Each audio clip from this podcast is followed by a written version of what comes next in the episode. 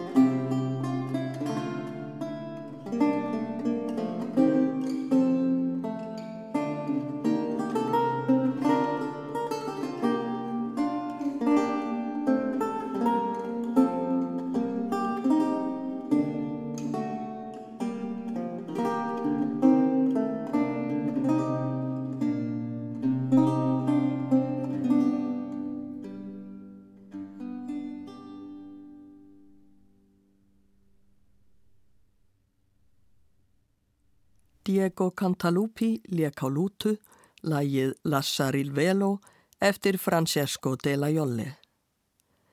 Við skulum þá líta á aðra mynd sem Caravaggio málaði ári áður en hann málaði lútuleikaran. Þessi mynd er ímist kölluð tónlistarmenninir eða tónleikar ungmenna. Á henni er líka lútuleikari en hann er ekki einn á myndinni. Skáhalt á móti honum situr ungur maður með nótur í hendi. Hann snýr frá okkur svo við sjáum ekki framann í hann. Fyrir aftan lútuleikaran til hægri situr þriðji yngismadurinn og sá fjörði lengst til vinstri en hann er búinn eins og ástarguðin Amor og er að fá sér vínber úr klasa. Þetta mun vera fyrsta myndin sem Caravaggio málaði fyrir Del Monte Cardinála. Fyrir utan piltin með výmberinn virðast allir gagteknir af tónlistinni. Auk nótnanna í höndum unga mannsins liggja nótnablöð á sæti hans og fyðla þar ofan á. Nóturnar sína okkur að piltarnir eru að flytja madrigala eftir Jacques Arcadelt eins og lútuleikarin í Pétursborgargerðinni. Hér kemur eitt af þeim lögum Arcadelts sem sjáma á nótum á myndinni af ungmennunum. Það heitir Ó Felici okki mjei, ó mín sælu augu.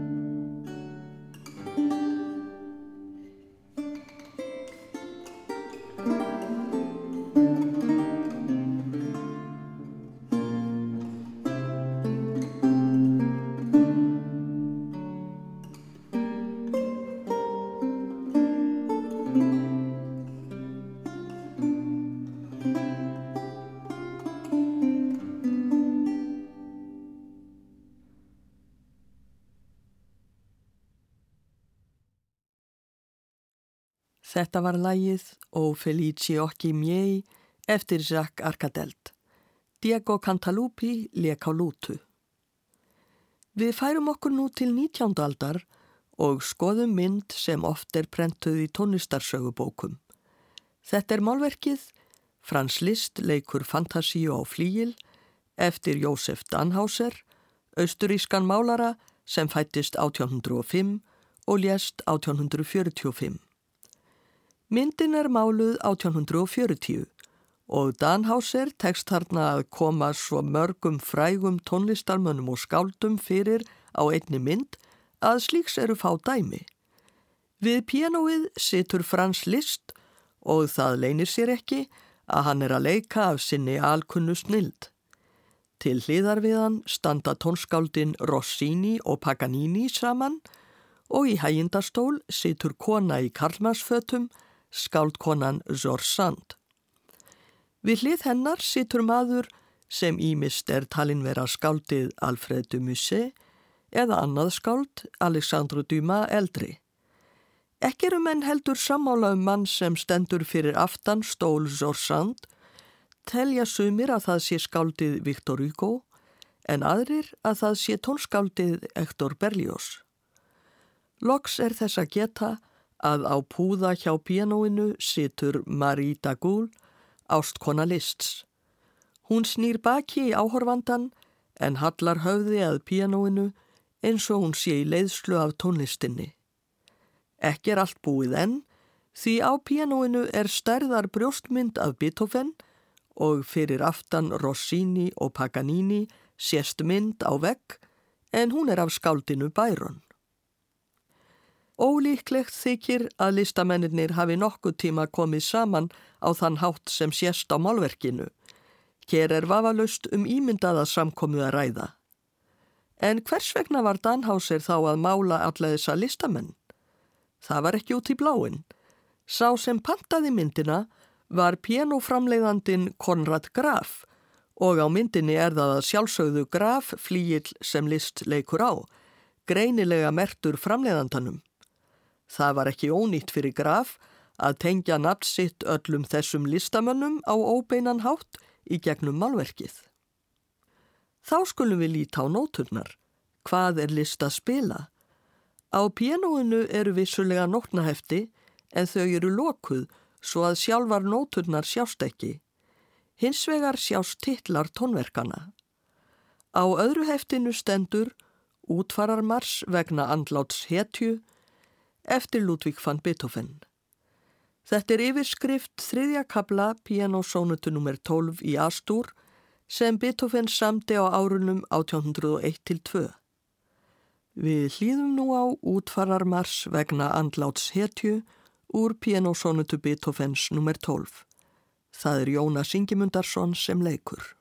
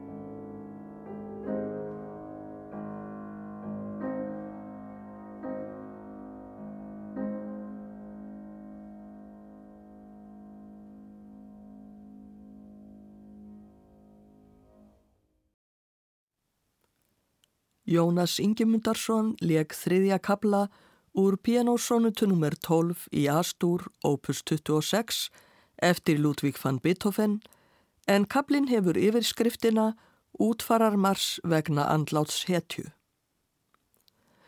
Eins og áður sagði eru nótur að þessari tónsmíð í öðru af tveimur nótnaheftum á pianoinu á málverki Jósef Stanhauser Frans Liszt leikur fantasíu á flíil. Það er þó kannski fremur hitt nótnaheftið sem Danhauser vísar til í tilli myndarinnar. Á hinu nótnaheftinu stendur nefnilega Fantasía eftir Frans Liszt. En hvaða fantasíu er Liszt að leika? Nú vandast málið því Liszt samti margar fantasíur en nótnaheftið á myndinni er lokað svo að við getum ekki séð sjálfar nóturnar. Og kannski hefur Danhauser ekki verið með neina sérstaka fantasíu í huga. Samt er nótnahefti þarna á pianónu og það er freistandi að reyna að ímynda sér hvaða fantasía gæti verið fólkin í því. Við getum sleft öllum fantasíum sem list samdi eftir 1840 því það ár er myndin máluð. Þess vegna er til dæmis ljóst að ekki er um að ræða hinn að frægu ungversku fantasíu því hún er samin 1852. En þetta gæti til dæmis verið romantísk fantasía um tvö svisnesk lög sem list samti á árunum 1835-6 eftir ferðalag til Sviss. Væri ekki tilvalið að leika slíkt tónverk fyrir vini sína fá einum árum síðar. Við skulum ímynda okkur að við stígum inn í málverkið, setjumst í stól við hliðina á Zor Sound eða á púða við hliðina á Marita Gúl og hlýðum á list leika romantíska fantasíu sína um tvö svisnesk lög.